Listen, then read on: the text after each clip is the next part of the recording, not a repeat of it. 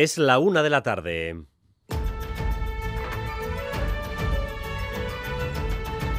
Crónica de Euskadi con Dani Álvarez. A Rachaldeón, en Euskadi el consumo de alcohol está inseparablemente unido al ocio. No hay actividad social en este país sin alcohol, a pesar de que en los últimos años se haya restringido o prohibido su consumo en algunos ámbitos. Los datos que hemos recopilado en el informe EITB Data confirman que somos los que más gastamos en hostelería, 1.300 euros por persona y año.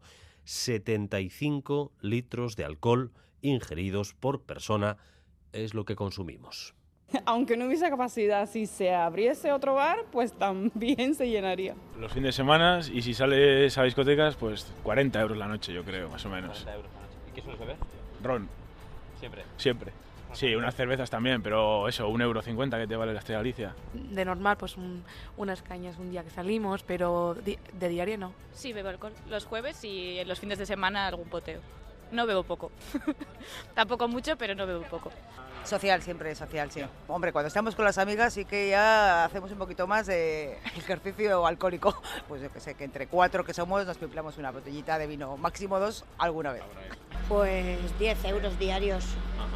Los datos que enseguida les vamos a ampliar confirman que el consumo de alcohol está presente en casi todas partes. No hay fiesta sin bebida y tampoco hay advertencias serias sobre sus efectos en las personas. El sociólogo Ion Andoni del Amo y la responsable de Osakidecha, Itziar Goitia, sí lo han hecho en cambio esta mañana en Boulevard. Lo que pueden ser las fiestas populares o el poteo.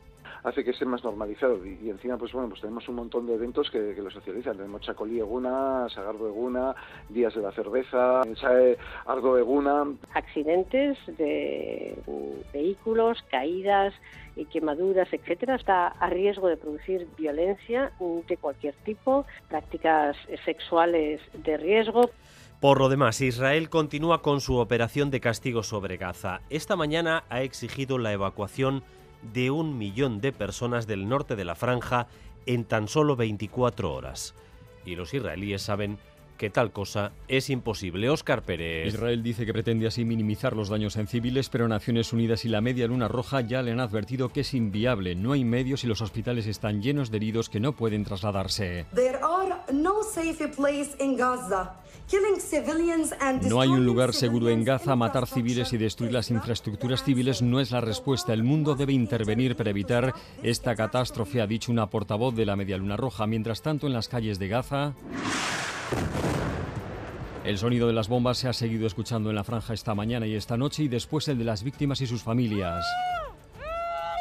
Que lloran a los heridos y a los fallecidos. Son ya 1.537 los muertos por los ataques de la aviación israelí, 447 de ellos son niños. Viernes de rezo en un contexto de mucho dolor, de mucha rabia, en un contexto en definitiva de odio. En la explanada de las mezquitas se encuentra Xavier Madariaga. Xavier Arrachaldeón.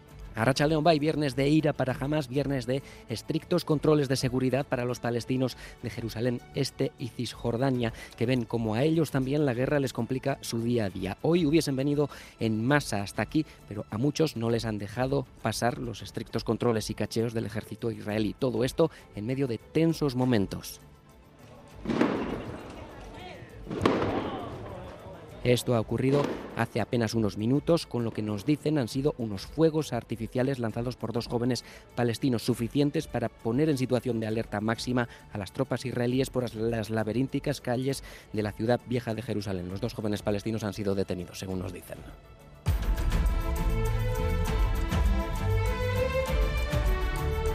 Euskadi busca reforzar sus conexiones con una de las grandes potencias mundiales, con Japón. La Semana Vasca en Japón, que se está inaugurando a esta hora, entrelaza cultura, empresa, identidad y relaciones políticas.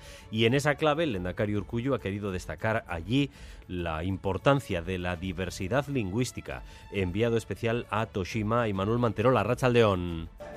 Arrachaldeón desde la ciudad de Toshima, epicentro de la Basque Week, mañana abre sus puertas para dar a conocer la cultura vasca, la gastronomía, la oferta turística de Euskadi. A esta hora se está celebrando el concierto inaugural sobre el escenario Oreka TX Kukai y el dúo japonés Kianki ante unos 300 invitados del mundo institucional, político y cultural del país nipón. Para abrir el acto, tanto el Endakari como la alcaldesa de Toshima han destacado los lazos que unen a ambos países y han mostrado la voluntad de seguir profundizando en esta relación. Y por vez primera, un presidente del gobierno de España se reúne con una delegación de Euskal Herria Bildu para buscar sus votos en la investidura. Pedro Sánchez y el Navarro Santos Cerdán se han fotografiado en buen ambiente con Mercha Izpurúa y Gorka Elejabarrieta. Se ha confirmado lo que Otegui dijo en julio en la noche electoral, que votarán que sí. Madrid y Saro León. A Rachaldeón y foto inédita, primera vez que un presidente reciba representantes de la izquierda berchale. La sintonía entre Sánchez y Aizpurúa ha sido palpable. Desde Bildu han valorado positivamente el encuentro y han trasladado, como decía, su disposición a seguir colaborando la próxima legislatura. Eso sí, pedían a Sánchez a cambio más ambición para las cuestiones que han quedado en el tintero, sobre todo en cuestiones sociales y en el debate territorial. Sánchez hoy termina su ronda de contactos, también ha despachado con la portavoz de Junts, Miriam Nogueras, ha puesto sobre la mesa la necesidad de cerrar la ley de amnistía y dar pasos a favor de la autodeterminación. Y este domingo a las 7 de la tarde en el Cursal, concierto de Luz Casal, que antes ha querido estar aquí en Radio Euskadi en Boulevard.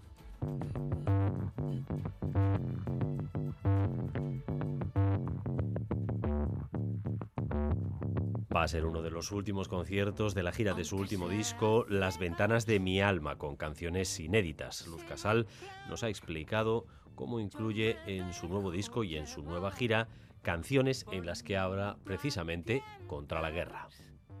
No solo es una guerra anti, eh, o sea, perdón, una canción antiguerra, sino que también ah, habla de, cómo somos de ingratos y cómo somos de codiciosos con respecto al mundo en el que vivimos.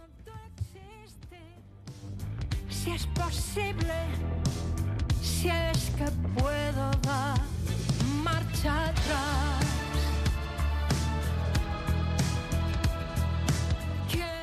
Luz Casal en Radio Euskadi el domingo actuando en el Cursal a las 7 de la tarde. Y vamos también con lo más destacado del deporte con Álvaro Fernández Cadierno, a Racha León. Álvaro. A Racha León, viernes con dos citas destacadas. Por un lado esa leguía del cuartos del 4 y medio que afronta en Amezqueta su segundo partido con ese duelo Altuna y Artol. Ayer en Soria, Pello Echeverría 22, Jaca 9 en golf.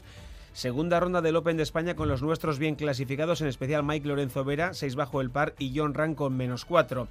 Y de anoche, dos marcadores. Victoria de Basconia en la segunda jornada de la Euroliga. Ganaban al Alba Berlín por 86 a 91. Y en fútbol, clasificación para la Eurocopa, España 2, Escocia 0, debutaba Ollán Sánchez, marcaba el segundo tanto.